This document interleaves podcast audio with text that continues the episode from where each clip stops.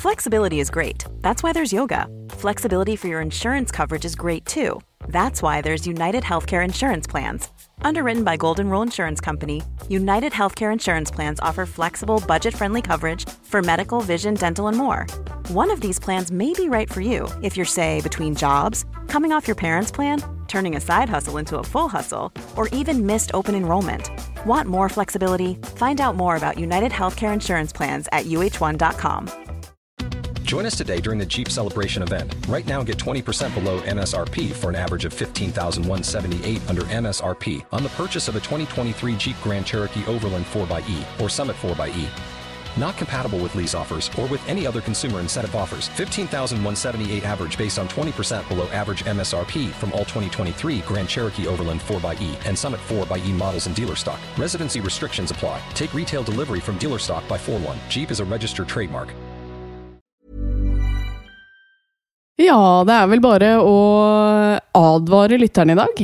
Ikke bare om at dette kan bli rasende morsomt, men at vi begge er litt tette i knollen. Det er vi jo til vanlig også, men kanskje ekstra i dag. Ja. Vi har pådratt oss et virus. Ja, eh, Hvilket virus er det man ofte pådrar seg i disse dager? korona. Ja, Men det har ikke vi. heldigvis Fordi ikke. du har av alle mennesker klart å dra på deg noe annet enn korona. Vi er koronanegative hele gjengen, men jeg må jo si at jeg, jeg er imponert over. Tusen takk. At du klarte å bli smitta med et eller annet i disse dager. Ja. Og så har du smitta hele gjengen her hjemme. ja. Det er deilig. Du vet ikke at det var meg? Nei, men du var først syk. Ja. Nei, altså, jeg tror jeg har fått influensa av alle ting i disse dagene her. Det er utrolig imponerende. Ja. Og jeg kjenner jeg på en stor skam? Absolutt. Ja. Vi kommer litt tilbake til det, tenker jeg. Men da har vi liksom advart om eh, den nasale stemmen. Yes. Ja. Noe annet du vil advare om? Nei, jeg tror eh, rett og slett det kan bli rasende morsomt. Ja vel. Vi raser i gang.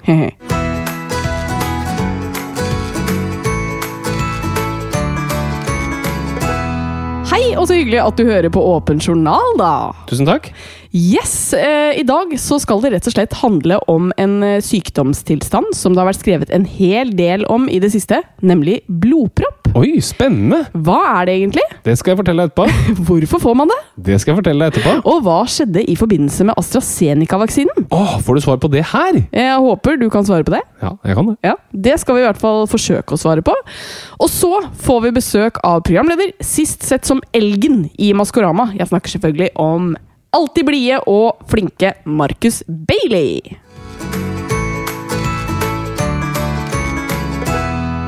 Vi får jo begynne med at eh, vi har klart å pådra oss et virus, da, for det er jo rett og slett nesten på en måte Det står respekt av Ja, vet at man klarer det. Mm, det, det jeg må si, Ja. helt ordentlig, jeg skammer meg veldig. Ja, hvorfor det? Nei, fordi jeg Og dette har jeg aldri tenkt på når jeg får pasienter som har annet korona. Så det handler ikke om det. Jeg skal ikke shame noen andre. Men jeg, jeg, bare, jeg føler på en skam over at jeg har blitt syk. Ja. Fordi vi er så innmari bevisste på alt eh, nå, og Mm. smittevern og sånn. Og at man ikke da, likevel har klart å bli syk, syns jeg er fryktelig skamfullt. ja. Det er jeg helt enig i. Og så, Eh, en annen ting. ja. Jeg syns veldig eh, jeg syns at den som har vært rundt meg, har vært syk, burde ringt meg ja. og sagt at eh, du, bare så du vet det, nå har jeg blitt sjuk, kanskje du blir sjuk. Ja. Det er jeg ikke, det, og jeg er helt enig i at man burde sagt at du, det er ikke korona, men det er mulig at du får noe annet. Ikke sant? Um, Det var jo en som ringte meg med klamydia her forleden. Ryddig gjort. Festlig. Men det som alltid er fascinerende, er jo når vi begge blir syke. Fordi vi blir jo veldig uh, hva skal vi si, ulikt rammet. Ja, altså det er jo fordi Nå er det sikkert mange som lurer på hvorfor vi sier det er influensa. Ja. Og jeg har ikke testet for det, for det er ikke noe vits. Jeg har bare testet for covid, Mhm. Og det er ikke covid. Nei. Jeg har testet både meg selv og min sønn Bernhard. Men jeg er blitt ganske dårlig, og Katarina har ikke blitt så dårlig. Og Nei. min eh, far, altså Bernhards farfar, har jo passet Bernhard da han var dårlig. Og eh, min far ble heller ikke spesielt dårlig. Nei. Og både du og min far har vært smarte nok til å ta influensavaksinen. Ja. Som jeg pleier å ta hvert år. Tok den ikke i år, av en eller annen mystisk grunn. Og så ble jeg sjuk. Derfor tror jeg det er det. Men kan man bli bitte litt dårlig når man har blitt vaksinert? på en Ja, måte? Ja, ok. Fordi at øh, Det jeg tenker, da, er at vi må jo på en måte adressere at øh, du har hatt en manflu ut av en annen verden den gangen her. Nei? Jo, for folkens, vet dere hva jeg måtte gjøre her om dagen? Da eh, Haraldsen skulle gå på badet for kvelden. Da hadde jo du litt sånn feber og sånn, da. Um, men da måtte jeg først komme med morgenkåpe og ta den på deg under dyna. Ja. Eh, og så sa jeg ok, men nå kan du gå på badet, nå har du på deg klær. Så gikk du på badet, og da sa du jeg, jeg pusser kun tenna hvis du føner meg mens jeg gjør det, for jeg er så kald. Ja, men jeg var veldig kald. Ja, Men jeg har jo også blitt ramma av dette viruset, og og vaksinert eller ikke. Det er utrolig hvor dårlig du blir. Ja, men det er eh, Jeg blir det er, jeg, jeg er ordentlig dårlig. Høy feber, og det er synd på meg. Ja. Men eh, nok sykdom. Vi skal lell lage en rasende gøy sending. Skal Ja, vi ikke det? fordi du, du har lovet rasende god underholdning, Ja. at vi skal le. Hva er det første du vil si som får meg til å le? Nei, altså jeg vil ikke nødvendigvis få dere til å le, jeg vil få dere til å bli rike, folkens. For vi skal videre til eh, dagens eh, aksjespalte. Og den heter jo På børsen med katta. Ja. Og så er det jo sånn da at jeg har ikke bare ett tips denne gangen her, jeg har flere. Eh, Fordi da har du endret strategi. Skal du nå fortelle folk hva du gjør? ja. Aha! Hva er det som fikk deg til å endre strategi? Eh, Rett og slett at jeg skjønte at jo flere som kjøp, kjøper de aksjene jeg kjøper, eh, jo rikere blir jeg. Ja, det er helt riktig. Og idet det lyset gikk opp, så har jeg lyst til å komme med en del tips. Um, Og dette er tips som baserer seg på at du har de, og at du blir rik. Det, er noe, det er ikke noe analyse utover det. nei, nei, nei. nei. Uh, og hvis jeg var dere, så ville jeg ikke sett på hvordan det har gått med aksjen i det siste, f.eks. Uh, for den kan jo ha gått mye ned. Eh, for, for sånn eksempel Kahoot eh, er et lite eksempel på det. Eh, den skal én vei, og det er rett opp. Kjøp, Hvor- kjøp. Hvorfor skal du Løp og kjøp. Jeg avslørte vel delvis at det ikke har gått sånn kjempebra på børsen så langt for meg. Eh, bortsett fra Rana Gruber, da, det, eh, folkens. Den skal en vei, og det er rett opp, så den må dere huske å kjøpe. Eh, Rana Gruber der, altså. Men eh, så har jeg en regnskapsfører, eh, og eh, hun spurte om jeg ikke hadde begynt å investere ennå. Og da måtte jeg krype til korset og si jo, det har jeg. Men trenger du å vite det akkurat den måneden her? Eller kan jeg komme tilbake til det neste måned? Jeg tror liksom, Det er liksom å lyve til legen sin. Jeg tror Å lyve til regnskapsføreren sin ikke er spesielt Nei, lurt. jeg. Jeg tipper de har taushetsplikt også. Ja, det er bra. Um, Men kanskje hun hører på denne podden, Ja, det tviler jeg på. og nå vil investere i Rana Gruber og Kahoot, folkens. Én vei, rett opp. Men vi må jo snakke om eh, noe ganske viktig, fordi vi har jo ringt 113 også, vi, siden sist. Ja! Ja, fordi du og jeg var på eh, Gaustablikk på hytta. Og der gikk det, trodde man, et uh, stort ras på Gaustatoppen. Hvor man så skispor inn i raset, men det kunne jo vært for, uh, fra tidligere. ikke sant? Men man visste ikke, så man sendte ut helikoptre og det som var. Og når dette skjedde, så ringte du 113. Ja! Spennende. Eh, det skal si, altså fordi det gikk jo melding om eh, ras eh, ganske fort etter at det skjedde. Ja. Og da tenkte jeg shit, eh, vi er jo bor rett borti her. Kanskje de trenger en lege? Og da gikk jeg først inn på internett og så om det hadde et annet nummer til eh, AMK. Ja. Altså akuttmedisinsk kommunikasjonssentral. N113. For jeg ville ikke bruke det nummeret. Og det var et annet nummer, men det var ikke åpent. Så Nei. da måtte jeg til slutt ringe 113. da. Ja. Og da snakket jeg med en uh, veldig hyggelig sykepleier. Mhm. Og så sa jeg du, det er, eh, jeg er lege eh, på Gaustablikk. Trengs det en lege der borte i rasområdet, så kan jeg kjøre bort. Jeg kan være der på noen minutter. Og så viste det seg at det var folk på vei og greier. Men det som jeg fikk beskjed om, mm. det var det at hun kunne liksom ikke svare på det. Nei. Det kunne ikke de ta stilling til. Jeg kunne dra bort dit hvis jeg hadde lyst, men de kunne ikke svare på om eh, det var behov for en lege der. Nei, og hun, det var jo også litt måten hun sa det på, fordi eh, man er vel som lege plikta til eh, som helsepersonell plikta til å hjelpe hvis eh, noen er i nød. Så du gjorde jo det du skal gjøre, men mange ville nok kanskje ikke gjort det. ikke sant? Bare tenkt åh, orker ikke bort der i rasområdet. Eh, Det er jo det er jo risiko ved å gjøre det. Jo, men du har jo ikke pliktig til å hjelpe til i hele verden, da. Nei, ikke sant? Men så sier hun da sånn Ja, nå kan ikke jeg ta ansvar for deg, da. Og eh, ta risiko på dine vegne. Dette må jo du vurdere. Og jeg bare tenker at det var en litt sånn eh, Skal man møte folk som ønsker å hjelpe med en sånn holdning? Nei, altså jeg, hun jeg snakket med, var nok veldig flink, og snakket med hun som koordinerte eh, operasjonen og sånn. Så dette er ikke, Men det som jeg tenker at det er litt grunn til å, grunn til at jeg tar det opp, er fordi jeg hadde en litt lignende situasjon for en liten stund siden, hvor en venn av meg var hos en hudlege for å få se på en, eh, en hudlesjon. Oh. og om den var farlig eller ikke. Og så får da vedkommende beskjed fra legen om at det var litt opp til deg, altså litt opp til pasienten, om den skulle fjernes eller ikke. ja, det går jo ikke an. Og da tenker jeg at det syns jeg kanskje vi kan bli litt flinkere til, vi som er utdannet helsepersonell. Og faktisk ta stilling på vegne av pasienten, fordi det er det vi får betalt for. Så hun jeg snakket med på AMK, superflink, absolutt. Og hun følger bare prosedyre, gjør alt helt riktig. Men hvis jeg kan komme med en liten bønn, et ønske bare Når folk ringer, så bare si ja heller, da. Mm. sånn, ja, det er supert. Det kan godt være at du er unødvendig, det kan godt være at du blir stående i kø. Stikk bort, liksom. Det trengs hjelp. Fordi jeg hadde jo ikke Hvis jeg hadde sittet i kø en time eller ikke kommet meg fram, jeg hadde ikke blitt noe sur for det. Nei, er du gæren? Og samme hvis noen spør deg skal denne føflekken fjernes, si ja eller nei. Ja. Ikke, ikke spill det tilbake til pasienten. Nei, det er i hvert fall veldig vanskelig for pasienten å vurdere. Da Da hadde jo jeg i hvert fall tenkt ja, men hvordan skal jeg vite det? Ja. Ja. Så det, det, er veldig, det er fint å gi ansvar pasienten og gi de medbestemmelsesrett. Og man kan godt si at denne her eh, den er ikke farlig, men hvis du vil ha den fjernet, så kan jeg gjøre det. Men det er noe annet enn å si at ja, hva, hva syns du Hva syns du burde gjøre? Ja. Jeg skjønner at det er en hårfin balanse her, men jeg prøver alltid det, å si til pasienten min at i min lønn så ligger det at jeg skal ta på meg din bekymring. Så nå har du fortalt det til meg, og så skal jeg gå og bekymre meg og finne ut hva du skal gjøre, så skal du slippe å bekymre deg. Det som er synd med at du tar på så mange andres bekymringer, er at du har ikke plass til mine. Det er altfor mange. Ja, jeg har kinka meg, blant annet. Å, fy søren. Men en, en, eh, vi har et fantastisk helsevesen, og det som var Ja, helt utrolig. Altså, De gikk et ras, eller kanskje to ras. Det var tre helikoptre. Ja. Full baluba. Politibiler, sykepleiere. Er Helt fantastisk. Ja. Og, de- ingen ble tatt av i raset. tatt av raset. Og hvis du blir plukket opp av der, og det har vært seeking, ikke sant? Det en redningsaksjon som sikkert koster noen millioner kroner, hva er regningen din? Null! Altså Det offentlige norske fantastisk. helsevesenet er helt fantastisk! Så jeg bare håper at vi kan styrke det, og sammen gjøre det litt eh, bedre. Mm. Og så kan noen si ja, det er veldig paradoksalt, du jobber jo i det private helsevesenet. Det er helt riktig. Men da vil jeg gjerne komme med noe argument for det private helsevesenet. Ja. Fordi det man skal huske på som helsepersonell, uansett om du er sterkt forankret i det offentlige, så lønner det seg for deg at det finnes private aktører, for det blir større konkurranse om ressursene. Det betyr at når vi i det private skal ha en lege, og lokke det ut av det offentlige, så må vi tilby bedre lønn. Og det betyr at når man skal da ha lønnsoppgjør på det offentlige sykehuset, så kan man peke på lønnsvilkårene i de private og si vi vil også ha de samme vilkårene. Så husk det. Private aktører er med å bedre vilkårene også i det offentlige. Ja, og så skal man jo bare ta en liten titt på koronakrisen også, eh, hvor det, de private har hjulpet i betydelig grad med å teste, vaksinere osv.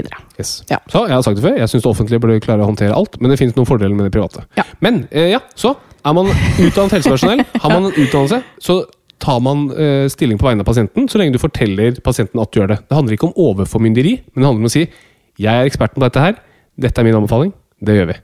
Yes!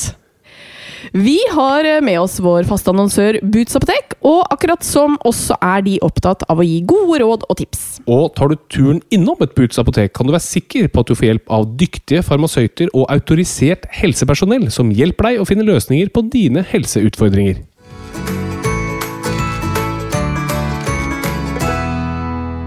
Uken så skal det handle om eh, et tema som har vært oppe i media de siste ukene. Og det er rett og slett fordi AstraZeneca-vaksinen ga noen uheldige effekter med blodpropp hos noen av de pasientene som fikk vaksinen. Ja. Og i dag så skal vi snakke om blodpropp. Hva er det for noe? Jo, altså blodet vårt det er jo flytende, og det består av mange celler og mange stoffer. Og stoffer, da snakker vi f.eks. om salter og proteiner. Så det er stoffer i blodet. Og så er det sånn at vi mennesker vi skader oss innimellom, og da kan vi begynne å blø. Og for at vi ikke skal miste alt blodet vårt når vi blør, så har kroppen klart å lage et system som gjør at det kan tette igjen sånne sår, altså tette igjen hull i blodårer. Ganske smart. Og det som skjer, er at når blodet kommer i kontakt med en fremmed flate, f.eks. hud, så aktiveres det et system inni blodet som heter koagulasjonssystemet. Og det får blodet til å bli seigt og tyktflytende, og så får du blodplaten i blodet til å klumpe seg sammen til en diger propp. Og på den måten så får man tettet et hull i blodåren, så man ikke mister så mye blod. Veldig smart. Så i utgangspunktet så er blodpropp veldig bra, for den redder oss fra å miste mye blod når vi blir skadet. Men når vi snakker om blodpropp, sånn som i denne situasjonen her, så snakker vi om når vi får blodpropp av andre årsaker. Altså når det er en uønsket blodpropp som skaper skade. Men det er en blodpropp. Godt forklart, men hva kan være årsaken til at man får det, da? Jo, det er typisk tre årsaker til at man kan få blodpropp. Det ene er endringer i blodets sammensetning. Det andre er skade i blodåreveggen. Og det tredje er endret bevegelse av blodet. Og når vi snakker om endring i blodets sammensetning, så er det gjerne f.eks. hvis du har en genvariant som gjør at noen av disse koagulasjonsfaktorene ikke fungerer som de skal. Da kan man få lettere blodpropp. Eller det kan skje ved graviditet, hvor blodets sammensetning endres pga. endret mengde hormoner og væske. Eller hvis du røyker. Da vil du også få en endring i blodets sammensetning som kan bidra til at du lettere får blodpropp. Så det var det ene. Endring i blodets sammensetning. Det andre det er skade i blodåreveggen. Og Det skjer f.eks. hvis du har høyt blodtrykk. Når du har høyt blodtrykk, så utsettes veggen i blodårene for mer stress. og Da betyr det at du får skader i blodåreveggen som kan trigge en blodpropp. Eller det kan være hvis du har fremmedlegemer i blodårene, som et venekateter som ofte har på et sykehus. Det kan også bidra til å få blodpropp.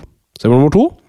Nummer tre endret bevegelse av blodet. Og det, da dreier det seg som regel om at blodet ikke får beveget seg.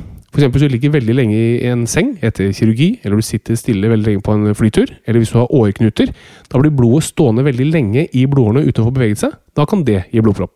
Så det er som regel én av disse tre tingene som gjør at du får blodpropp. Ok, og Du nevnte jo noe av det, men hva er det som øker sjansen for at man får det? da? Nei, det er en av disse tre tingene. da. Endring i blodets sammensetning, skade i blodåreveggen eller endret eh, bevegelse av blodet. Og ved kreft eksempel, da får du også en endring i blodets sammensetning som gjør at du lettere får blodpropp. Men man har jo f.eks. hørt at p-piller øker sjansen for blodpropp. Ja, Da får du også en endring i blodets sammensetning, da, hvor pga. Uh, østrogenpåvirkningen, altså uh, hormonpåvirkningen, så får du en minimal endring i blodets sammensetning som gir en bitte lite grann økt risiko for blodpropp. Mm. Men sjansen for å få blodpropp ved å gå på p-piller er vel egentlig ganske lav? Absolutt. Så sjansen for å få blodpropp hvis du ikke går på p-piller og er jente, er ca. 2 på 10 000. Hvis du bruker p-piller, så er den ca. 6 på 10 000. Så det er en, det er en liten øh, økning der. Og så må man bare se er det verdt det for fordelene man får ved å bruke p-piller. Ja. For noen så er risikoen økt i utgangspunktet. Hvis du f.eks. er overvektig eller røyker, da skal du ikke bruke p-piller, for da blir den totalrisikoen for høy. Mm. Ok, um, så uh, vil jeg jo gjerne høre om det er noen som kan redusere sjansen for det, da? Ja, det er bare å fjerne disse faktorene jeg sa nå. Ikke, ikke røyke. ikke røyke, bevege seg litt uh, hver dag, behandle høyt blodtrykk. Uh, ja, de tingene der. Ja, rett og slett. Leve litt sunt, da, eller? Eh, ja, rett og slett. ja. Men er det sånn at symptomene på blodpropp er ganske sånn klare? ja, det er det for så vidt. Altså Problemet med en blodpropp er at den stopper blodstrømmen, åpenbart. Eh, så enten så er det det at du ikke får fjernet det gamle blodet som ligger bak blodproppen. Mm. Og så er det det at området foran blodproppen får ikke nytt blod. Ikke en, en, blodpropp ligger jo alltid inni en blodåre. Så symptomene avhenger jo av hvor på kroppen man får blodpropp, og hvilken konsekvens det har. Vi har jo to typer blodårer i kroppen. Vener og arterier. Vener det tar oksygenfattig blod vekk fra vev og til lungene for å få oksygen, mens arterier det tar oksygenrikt blod til vevet. Mm. Og du kan få blodpropp begge steder. Og Et vanlig sted å få blodpropp det er i vener i beina. og Det er det som heter dyp venetrombose, eller DVT. Da tettes en vene i benet, slik at blodet hoper seg opp bak blodproppen. Mm. Med på den? Ja. Og hva skjer da? Jo, da får du et hovent ben. Sånn, Yes. Masse masse blod som ikke får kommet noe sted. Og det er i seg selv ikke så veldig farlig, fordi du har mange vener i benet. Sånn at de andre venene klarer å ta unna en del av det blodet som hoper seg opp. De klarer ikke å ta unna alt, så det blir hoven, men det er ikke noe farlig. Men det som kan skje, er at blodproppen i benet løsner. Og så går den videre via blodet til lungene. Og da er det farlig. Fordi blodårene som går til lungene, kommer jo dit for å få oksygen. Så hvis det ikke kan skje, så får du ikke oksygen til blodet via lungene. Så hvis du har en stor blodpropp i benet som løsner og går til lungene, så dør man faktisk av det. Ja. Eh, Men ofte er blodproppen eh, liten, også den som går til lungene, og da blir du bare litt tungpusten. Fordi kroppen prøver å få mer oksygen inn i blodet, og så eh, dør litt i av lungevevet, så får du smerter i brystet. Mm. Så det er sånn den, litt, den vanligere varianten, da. Så du kan få hovent ben, smertefullt ben, Ja. tungpust hvis det går til lungene. Mm, smerter i brystet, så lungene. Ja, flere ting. Altså det er på venesiden. Ja. Hvis du stopper en arterie, da er det noe som ikke får blod. Og det er ganske skummelt.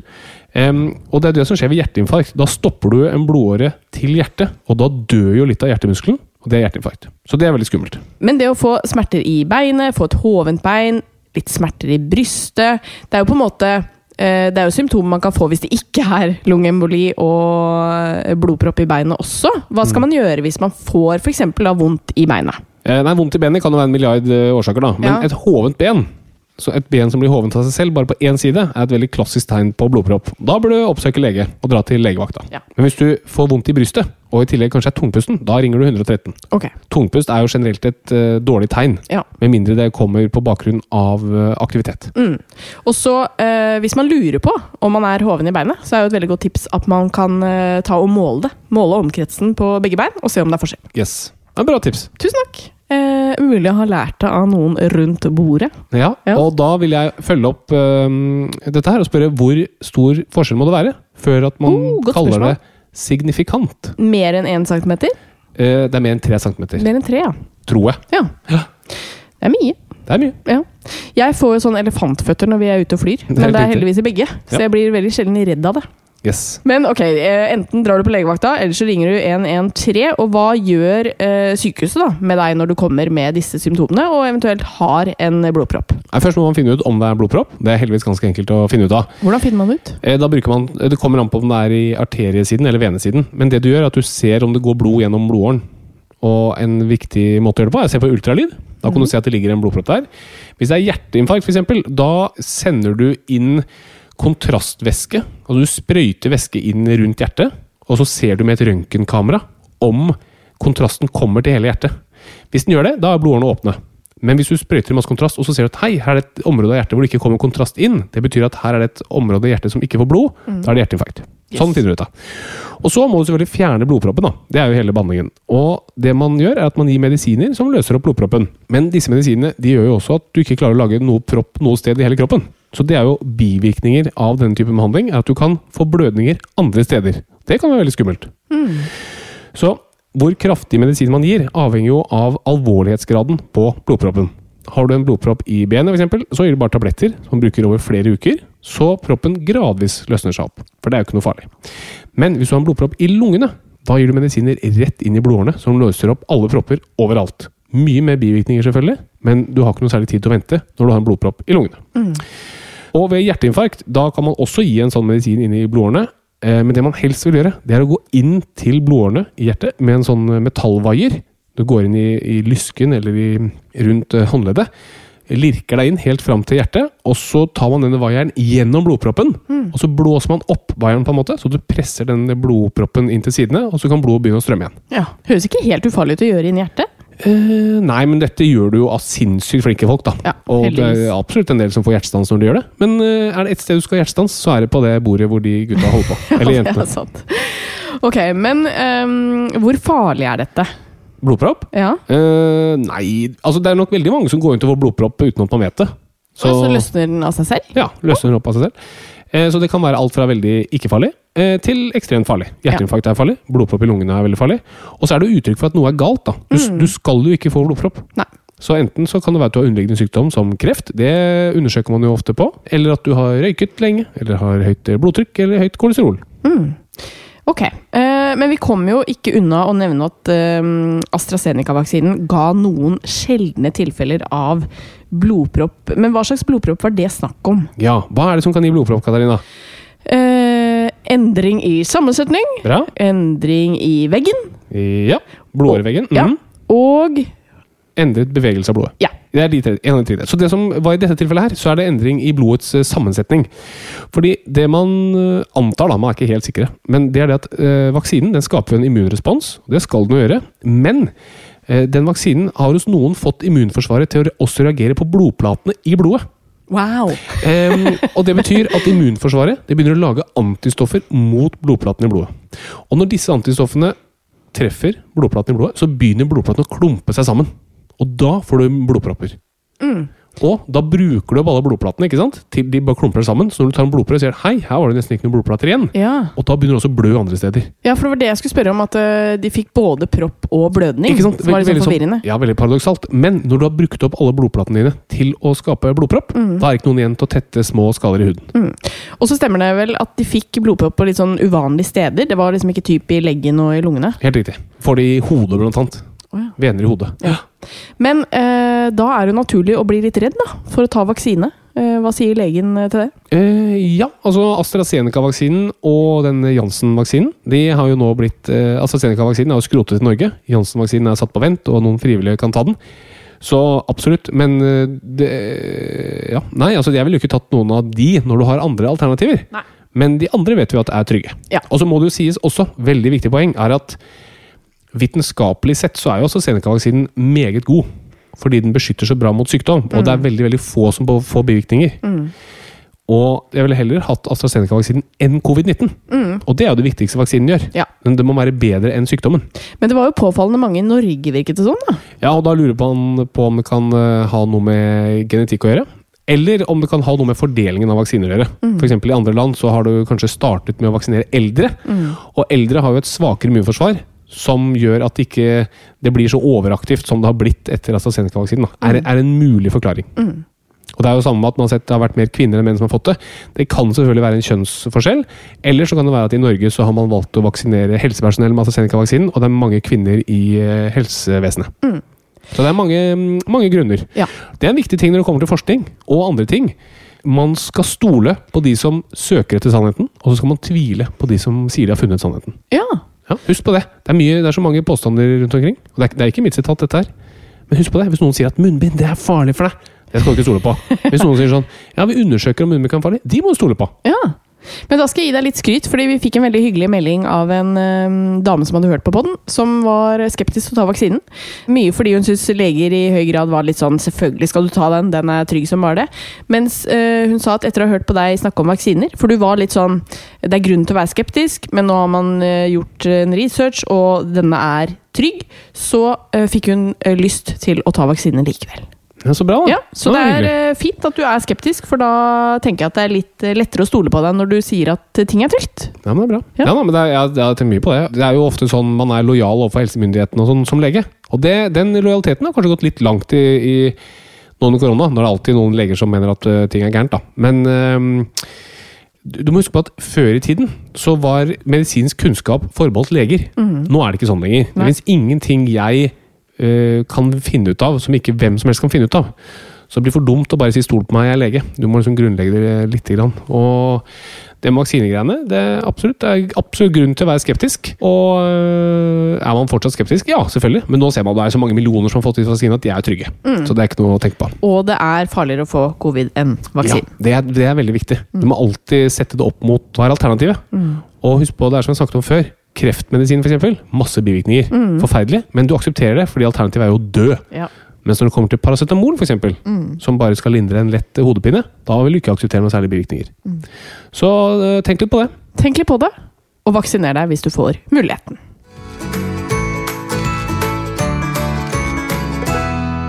Du, Vi har eh, fått inn lytterspørsmål denne uka også, og denne gangen så er det rett og slett eh, på tide at vi skal rydde opp i en eh, aldri så liten forholdsdiskusjon. Oi. Hei. Jeg og fruen har lenge hatt en diskusjon om hvordan det, det at man fryser påvirker kroppen. Min kjære mener at man blir syk av å fryse, noe jeg ikke er enig i. Lurer derfor på om dere kan oppklare denne evigvare diskusjonen for oss. Med vennlig hilsen paret, som ikke kommer noen vei før dette blir besvart. Da er det veldig hyggelig at vi kan være med og løsne opp dette her. Hvem har rett? Eh, Det som er interessant, er at de har egentlig litt rett, begge to. Ja, det er litt kjedelig. Ja, det er litt kjedelig. Men du kan egentlig ikke bli syk av å være kald. Nei. Du må ha et eller annet virus eller en bakterie i eller på kroppen Ja. Mhm. for å bli syk. da. Sånn at Hvis du hadde vært helt ren, hvis du hadde på en måte desinfisert hele kroppen din, så kan Mhm. du fryse så mye du vil, du blir ikke syk av det. Men når man går ut og blir kald, så nedsetter man immunforsvaret. Sånn at du blir mindre motstandsdyktig overfor virus og bakterier. Ja. Og på kroppen til enhver tid har vi masse virus og bakterier. I hvert fall du. Særlig jeg. Og det betyr at vi er mer utsatt for at de får lov til å skape en infeksjon Ja. når vi fryser. Veldig mange bakterier for eksempel, er det vi kaller opportunister. Så de slår til når muligheten byr seg. Oi. Så eh, du kan bli syk av å være kald ute. Det er riktig. Man har også sett det på urinveisinfeksjon for eksempel, hos kvinner. Noen kvinner du bare kjøler ned føttene deres, så får du urinveisinfeksjon. Ja. Ja, interessant. Men du, da blir du altså ikke syk alene av at du er kald, men det er et virus eller en bakterie som gjør deg syk, da. Yes, Men kulden bidrar til at viruset eller bakterien får eh, skapt eh, trøbbel. Så dere kan altså få bli sammen, for begge hadde rett. Begge hadde rett. Og apropos lyttespørsmål, så tenkte jeg bare å si det, at vi skal eh, ha en um, spørsmålspod, vi. Eh, hvor dere kan sende inn masse spørsmål til Åpen journal sin Instagram-konto. Og så skal vi prøve å svare på så mange vi rekker i en episode. Så fyr løs med det dere lurer på. Og da kommer eh, vi alltid til å lese opp sånn Her er det en lytter som bare skriver Hei, Harald. Tusen takk for at du er så utrolig snill og stødig og loser oss gjennom en, jungel av vanskelig Ja, medisinsk det blir bare sånne hyllester, rett og slett. Ja. Nei, vi kutter det. Går rett på spørsmålet. Yes! Vi skal svare så godt vi kan, og som dere vet, er det rimelig midt på treet. Så godt vi kan, i hvert fall.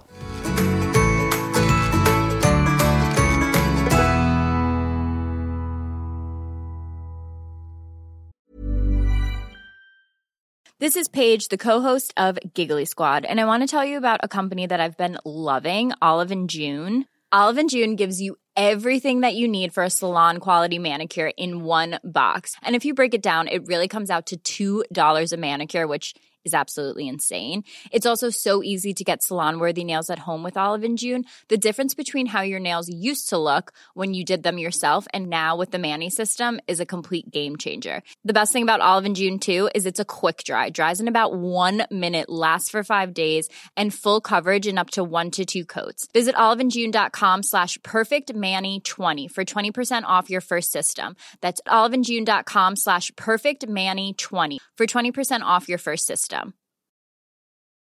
A lot can happen in three years, like a chatbot may be your new best friend. But what won't change? Needing health insurance. United Healthcare Tri Term Medical Plans, underwritten by Golden Rule Insurance Company, offer flexible, budget friendly coverage that lasts nearly three years in some states. Learn more at uh1.com.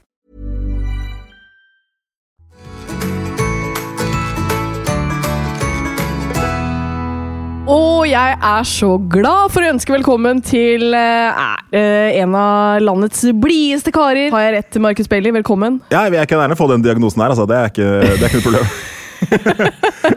Spørsmålet er er det den eneste, eller har du flere? Eh, ikke som jeg vet om. Nei? Nei. Eh, bort, jeg vet bare at jeg er, liksom, jeg er litt overvektig og ser dårlig. Liksom. Det er hovedgreia. Du er ikke overvektig, du. Ja, BMI-en min er pluss i pluss pluss. Å ja, men da, da er dere flere, for Harald, øh, har ikke du også regna på BMI-en din? Eller var det midjemålet ditt som var så mye nå? Ja, midjemålet mitt er det Midjemål, verste. Hva er det liksom riktig midjemål? regnet? Nei, en del under det jeg har, som er litt sånn skuffende. For jeg føler meg ikke så gæren. da. Ja. Nei, du er ikke det. Men eh, Ja. Det er en legger på seg. sinnssyk måte å starte en introdusere en gjest på. Kritisere først BMI-en hans, og så kaste mannen sin under bussen. vi skal ikke snakke om BMI, vi skal snakke om mye annet. Eh, Hvordan er det med deg om dagen, Markus? Det går veldig bra, altså. Jeg er veldig positiv og, og happy av meg. Men så, er det, Ja. men, så, men så legger jeg merke til at eh, jeg har blitt så utrolig, og takket være alle holdningskampanjer og alt, jeg har blitt så klar over når man er nede. Og Det er så deilig at man liksom kan ta tak i det. Jeg la merke til at det er sånn, Hvis ting er kjipt, så er det veldig, veldig lett nå bare å være åpen om det med alle. Bare sånn, da, I dag er det åh, øh, orker ikke. Og så går det over. Ja, Hvordan jobber du med deg sjæl når du er nede? Eh, Jeg, klager mye på meg selv og sier at alt er så vanskelig, og jeg er så forferdelig menneske, og jeg fortjener ingenting godt. Og så har man jo venner og kjærester som sier sånn Nei, men nå må du skjerpe deg. Så bare, ok, da, greit. Ja, ikke sant? Og så klarer du det. Så går det fint. Tar du på deg f.eks. en leopardskjorte? Ja, det, Ja. Det, det kan jeg gjøre. Fargerike klær har jeg hørt at det hjelper jo veldig på psyken. Det tror jeg hjelper Ja, veldig. at farger Absolutt. gjør at man blir happy. Så jeg har masse fargerike klær. Ja, men, for du har på deg en veldig fin for de som ikke ser eh, deg i dag, og det er det jo ingen andre enn Harald og meg som gjør. Eh, så har du på deg en nydelig leopardskjorte. Jo, takk. Vil du si at stilen din har blitt sprekere eller ikke etter at du var med i Maskorama? Uh, jeg, jeg vil si at den, den er like sprek som den var. Det er bare det at, Ja, det eh, at jeg har blitt enda mer eh, Kanskje jeg blir enda mer sånn vil bli synlig fordi jeg var så skjult bak den maska. At det liksom nå er sånn Se på meg, da! glipp Se! av mye kjendiserier. Ja, ikke sant? At det blir bare sånn Hei, se, se, se hva jeg Se, se Fraggerud. Jeg vil bli sett. Se meg! Se meg! Anerkjenn meg! Gi meg bekreftelse! Men det er jo helt innafor. men vi må er jo snakke er litt om Ja, det føler jeg. Jeg føler jo det. Ja, det, altså, du har gått glipp av mye mye selfies og skrik på gata i perioden fram til du tok av deg maska. Ikke sant? ikke sant? Så det, det skal tas igjen nå, med én meter av- avstand. Men da passer det jo veldig bra at du skal snart flytte til LA, for der føler jeg at det er veldig innafor å bli sint. Tenker Ja. ikke du det? Ja, så må jeg liksom gå litt hardt inn for å bli kynisk og, og veldig sånn bare 'jeg er fantastisk og flott, og ingen er bedre enn meg'-modus.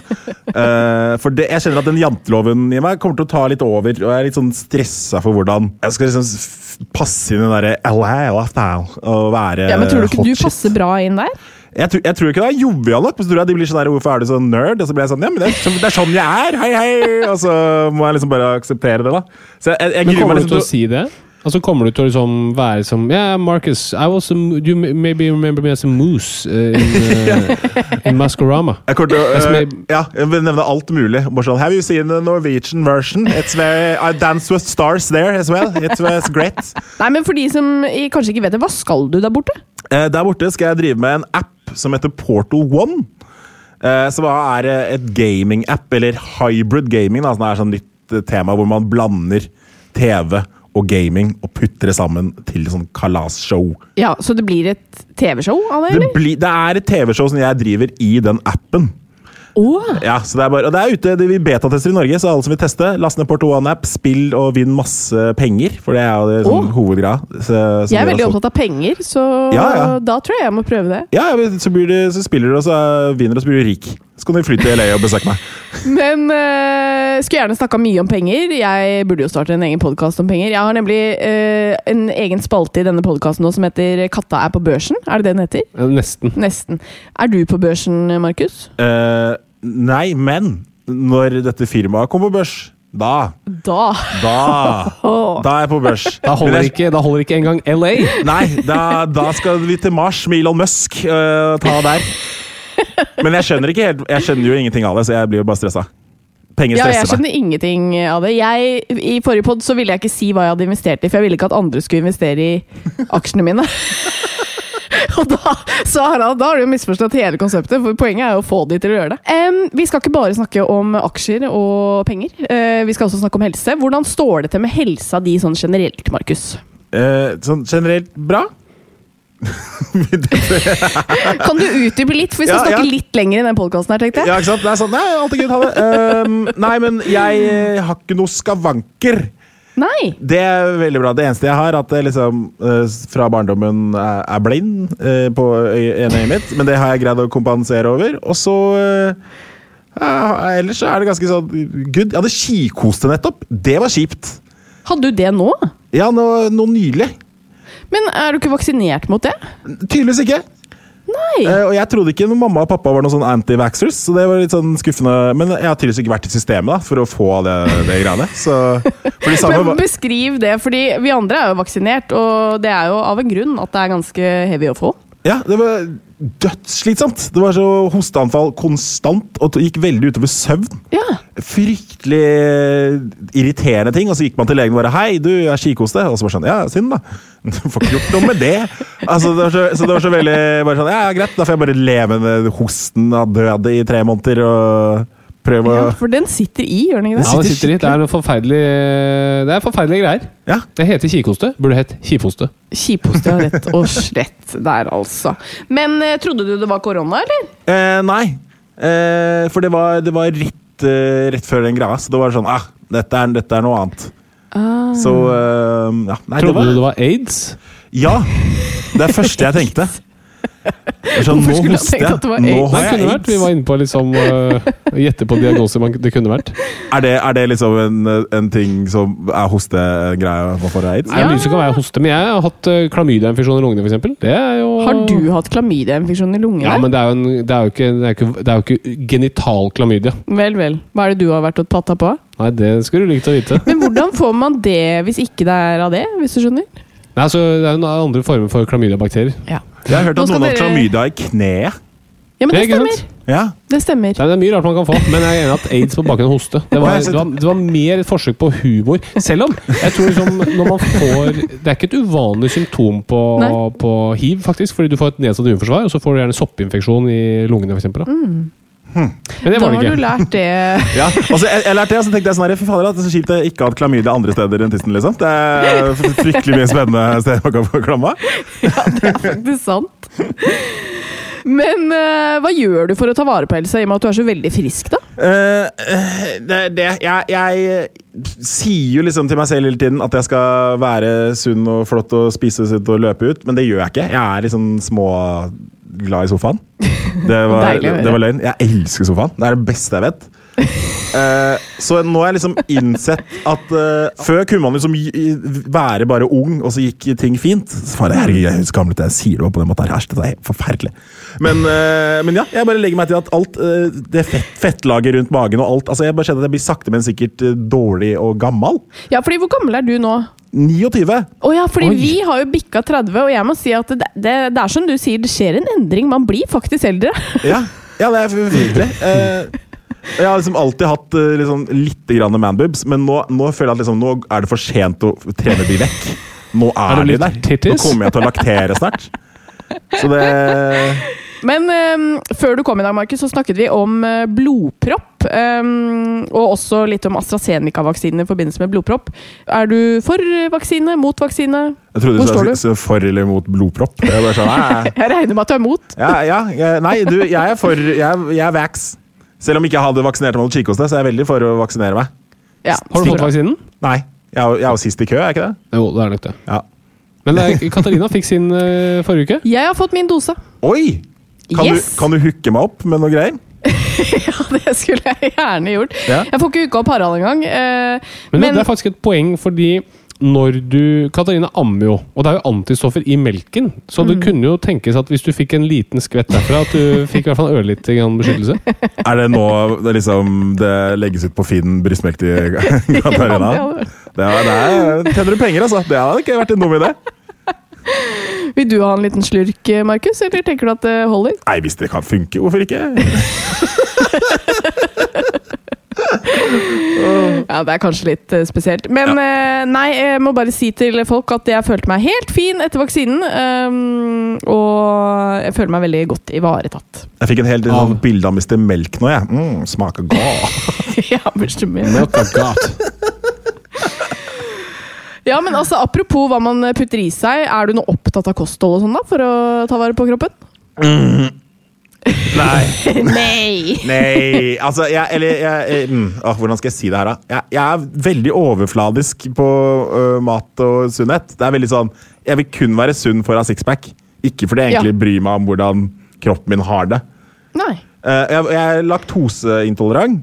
Mm. Eh, men jeg, allikevel så elsker jeg iskrem, liksom. Så jeg, jeg, jeg hører jo ikke på kroppen min. Altså, jeg, jeg og toalettet er verdens beste. Det er så koselig å være så lenge på dass. Jeg synes det, er, det har blitt en sånn safe haven. på en måte Men altså, blir du ikke veldig dårlig i magen når du spiser laktose da? Er jo fryktelig dårlig. Uh, men, men altså, har du smakt Ben Jerry's? Det, det, er- det er digg, altså. Du tar noen timer på ramma for en skikkelig chocolate fudge brownie der, altså. Det er jeg helt enig. Ja, men Tar du hensyn til det i hverdagen, liksom, eller gjør du ikke det? Jeg prøver så godt jeg kan å være sånn Ok, laktosefri melk og det i butikken og sånn, men jeg, det er på en måte Så lenge ting smaker godt, så samme av det. Så gønner jeg på. Så det er, det er Nei, eh, om jeg er opptatt av kosthold på den måten, ikke, ikke det. Jeg burde blitt eh, flinkere. Absolutt. Ok, For å spørre på en annen måte, hva er det verste du gjør for helsa di da? Oh. Eh, nei, det er vel uh, å bælme nedpå en tolvpack og ta en sigg på en fest, og så spise kebab og så is, og så ikke liksom bevege seg. Det er vel hele den sulamitten der. Det Men det kjenner jo veldig mange seg igjen i, da, tenker Ja, jeg. og det gjør jeg uten på en måte altfor dårlig samvittighet. Eh, Ja. Det skjønner jeg, men det er sånn, dette er sånn klassisk sånn eh, 28-åring-fenomen. Liksom. I det Ja. øyeblikket du bikker 30, så kommer kroppen din til å straffe deg knallhardt Ja, for de det- valgene der. Det kommer til å komme noe veldig vondt rundt hjørnet snart. Ja, Det altså, jeg, jeg hadde jo vært 30 i bare noen dager før jeg fikk en betennelse i foten, som jeg fortsatt har. Så det er, det er bare å grue seg. Oh, ja, men Det er jeg også litt redd for. For hvis jeg hvis jeg skal begynne å liksom bli sånn Nå trene, løpe, inn i modus, så føler jeg at kroppen har vært sånn Nei, nei, nei. Og så mister jeg et eller annet akilles, eller hva det heter. Og så bare er man Så er ting kjipt, og så kan jeg liksom ikke trene lenger. Så bare ikke få den greia. Ja, du, du- kan si ja. Fordelen med å ikke bevege seg over hodet er at du får ikke noen belastningslidelser. Nettopp. nettopp Og det vil jeg si er sunt.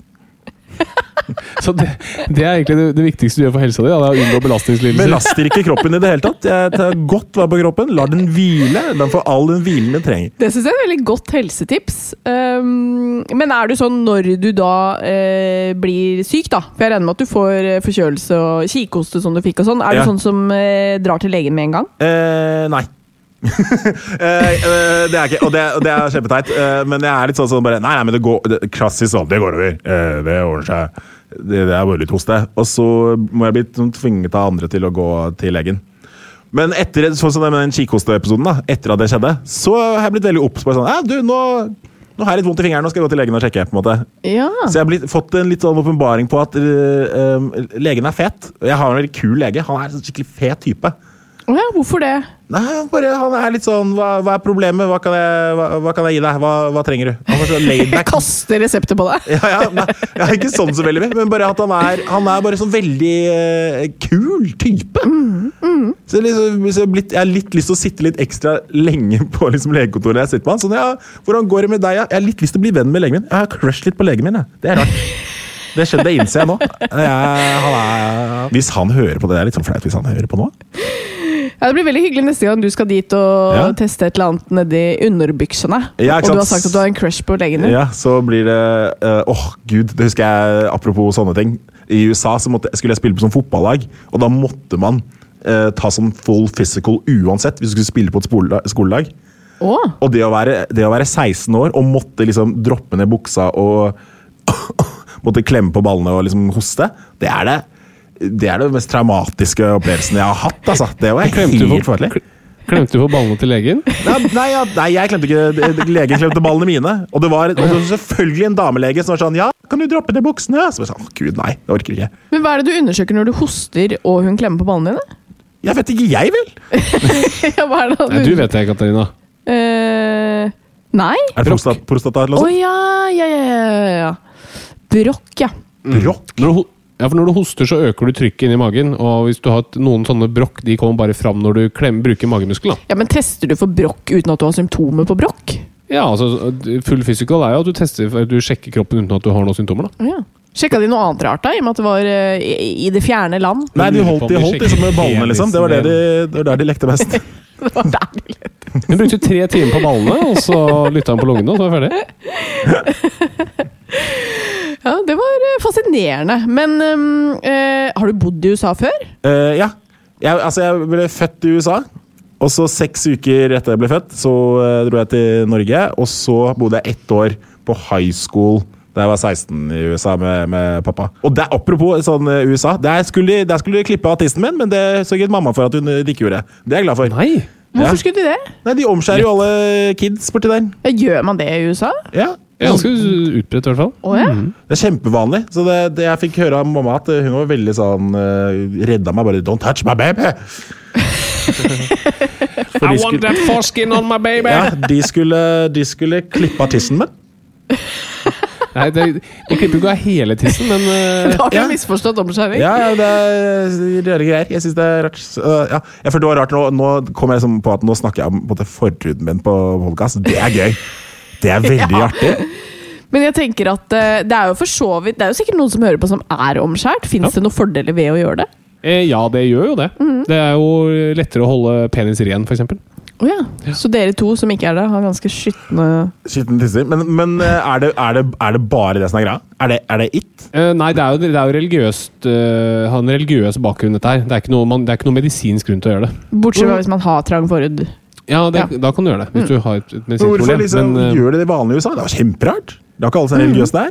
Nei, det kan du si. Så jeg visste ikke at de gjorde det liksom sånn eh, rutinemessig på alle sammen. Det var jeg ikke klar over i USA. Men det er, jeg, jeg syns jo personlig det er ganske grusomt. da Det er jo en eh, Ja. viss Ja. form for kjønnslemlestelse, Ja. kanskje, hvis man setter det på spissen. Ja.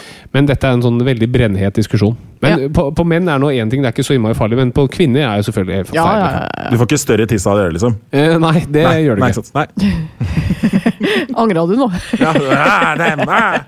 I porno så er de så store. De er så omskjært og svære, hele gjengen. Nei, men altså, jeg skulle veldig gjerne mm, snakket mer om både den og Det er så vanskelig med sånne overganger. Kunne vi sett Hvordan går den, bare så, vi, bare så vi vet hva vi snakker om? Apropos forhud, så skal vi nå videre. Vi skal videre til quizen. Ja. Eh, Nei, men vi skal faktisk til quizen, eh, og er det en jeg faktisk det aner meg at jeg kan slå i en helsequiz, så jeg må bare si det. Jeg tror det er Markus Bailey. Oh, Der har du Ja, det tror jeg. Du går hardt ut. Ja. Jeg, gjett det. Nå skal jeg legge presset enda Det tror jeg også. Og hvis du taper Nei. nå Hvis du Ja. taper nå, Katrine oh, nei. Wow! Wow! Ja, det er Quit faktisk sant. your day job. Skal jeg gå så hardt ut og si at jeg slutter på Nei, det skal jeg ikke. Vi kjører quiz. Og med oss i dag har vi legenden Marcus Bailey. God dag. Hei. Og vi har den ikke fullt så legendariske Katarina Flatland. God dag. hei, hei. Vi starter enkelt. Hvor mange får blodpropp i Norge hvert år, Markus? Eh, 1600. Det stemmer det. Mm. Katarina? Eh, 5000. Ja, Ca. 20 000. Oi! Ja. Men jeg var nærmest! Ja, det var nærmest. Et poeng til ja. Stud med Flatland. Yes. Neste spørsmål. Marcus Bailey. Er det økt risiko for blodpropp når man er ute og flyr? Ja. Katarina? Ja. Ja, det er helt Yes. riktig. Ja da! Man sitter mer stille, og det er mindre oksygen eh, på fly. Og Ja, da nå- øker risikoen for blodpropp. Nå føler jeg bare at Katarina bare hermer etter meg. Det syns jeg var litt dårlig. Ja, Ja, fordi du er så veldig smart. Du klarte å si ja. Du er ikke omskåret engang! Vi hører ikke på deg! Herregud. Oi, oi, dette tar Eh, en helt annen ja. Hvor lang flytur må det være på for at det skal ha noe reell økning på risiko for Hvor lang flytur må det være på? Er det det du spør om? Ja. Eh, Det må være over tre timer. Katrine? Eh, over Da sier jeg bare over fire timer. Det er helt riktig. Det må i hvert fall være fire til seks timer. Nei! Har det egentlig noe med hvor mange fot man er oppe, og hvor høyt flyene går, eller er det distansen? Nei, det er distansen. Okay. Nei, unnskyld. Altså, altså ja, hvor, hvor mange timer det er. Eh, for Det er et interessant spørsmål du tar opp der, Markus, men jeg tror nok flyene går like høyt uansett om du flyr én time eller eh, ti timer. Og er det det? At det er liksom uansett 30 000 fot, liksom? Ja, sånn ish. Mm. Og det, det, det er lurt på. Jeg har alltid tenkt jeg skulle spørre kapteinen, men det er blitt så etter de der terrorangrepene er det så vanskelig å komme i kontakt med kapteinen. Jeg skjønner det, da. Men, eh, men jeg er så Så vanskelig å gå inn der med en øks, liksom. Jeg får liksom ikke kontakt. Nei, men eh, jeg, jeg lurte liksom på Du skal fly Oslo-Stavanger, da, som er en veldig kort tur. Er det vits å fly siden bare høyt? Og så er det sikkert, Jeg skjønner at lufttrykket er lavere og at det er mindre bensin, men ja, det er ikke Ja, det det det er ikke noe jeg interesserer meg veldig Jeg tror du er alene om å lure på det der. Ok. Neste spørsmål. Ja. Marcus Bailey. Hva heter en lege som har spesialisering innen blodsykdommer? Um, ka kardiolog. Hematolog? Hematolog er helt riktig. Ah! Nå er det tre igjen. Ja, nå er det rett og slett Er, overkjøring er, her. er kardio noe greier? Ja, Eh, kardiolog er jo hjertelege, Ja, det er, ok, det er det jeg mente. Så du, du var jo ja, inne på noe. Ja, ikke sant? så, Og det eh, er- hematolog. Hva heter en lege som har ekstra lang spesialisering innenfor blodsykdommer? Markus. Hema, hem, master hemadasus. Ok, Katarina? Hemato... Jeg vet at dette er tull. Hematoekspert. Hematrelog. Ja, Nei! ikke sant? Ja. Takk for den. Det er leit. Eh, neste spørsmål. Markus Bailey. Ja. Har hjerneslag noe med blodpropp å gjøre? Um, i, i, ja, det, ja, det kan det. Katarina? Ja. Ja, helt riktig. 90% av alle hjerneslag er blodpropp i hjernen. Ok, det er bra. Da er vi på 4-2, da. Ja. Ja. To spørsmål igjen. ja. Katarina, kan man få hjerneslag av en blodpropp i benet? Uh, du, du, du, du, du, du. Nei. Markus? Jeg velger å satse litt for gull, jeg, så jeg sier ja. Åh, det er veldig bra, fordi man kan faktisk det. Hæ? Men det må jo via lungene. Ikke sant? Men du kan ha hvis du har et hull i hjertet. Så kan Å, du få det. herregud. Paradoksal embolus. Det, er Ja. poeng til, det visste Markus Bailey. Det var imponerende at du visste det. Altså, med, Ja, ja, ja. Men det, jeg har jo, embolus. har jo vært eh, hematolog i en stund, jeg. Ok, Da er vi oppe i 4-3. Ja, så, Og så kan man få to poeng på siste. Ja, To gøy! siste. Ja. Sporty. Starter der, Markus. Med hvilket instrument vant den italienske hematologen Analo Marevano Melodi Grand Prix i 1969? Uh, det er Melodi Grand Prix, så det må ha vært med en saksofon. Ok, Katarina. Uh, er det noe ordspill på marihuana her, siden du sier marivano du, du, du, du, Blod Nei, jeg vet ikke. Dyp venetrombone. Er ikke det på en måte en slags saksofon? Jo, det er faktisk en, en avart av saksofon. Men du hadde i hvert fall et instrument, eh, Markus. Det hadde Nei, ikke du, hadde ikke fått poeng for å si et jeg, kan få, jeg kan få ett poeng, og så blir det likt. Ja, det kan jeg. det likt, okay. Oi, oi, oi. Uh, gratulerer med deling av seieren. Du, bra jobba. Uh, heia. Takk for kampen. Uh, og veldig hyggelig å ha deg med. Før vi slipper deg helt, og du snart reiser til det store utland, eh, så pleier vi alltid å få et tips til vår sønn Bernhard for hvordan han kan bli en fin fyr. Har du noen gode råd til han på veien? Åh, ja. Ikke, ikke, ikke, ikke hør på alt foreldrene dine sier. Finn ut av ting sjøl. Oi, Mm, den er bra. den skriver vi ikke ned. Nei. Jeg tar bare imot gode råd som Nei, gi ut high fives. Det er en god en. Gi ut masse high fives, og Ja. da, da kommer du langt. Den er fin. Mm. Det føler jeg du gjør, Markus. Ja, jeg er en high five-dude. Ja, det ser jeg på deg. Low five og alt, alt, alt. Men du er jo en ganske høy fyr, er du ikke det, Markus? Jo, jo. Hvor høy er du? 1,99. Å, fy faen. Oi. Hvorfor, du runder du ikke opp til to? Er du bitter for at ikke du er to? Nei, jeg er ganske glad for det, for Å, ja. da føler jeg at det akkurat er på en måte normal. Masse lykke til. Tusen takk for at du tok deg tid. Takk, vi takk. er eh, tilbake neste uke. Ha det! Ha det! Plan B.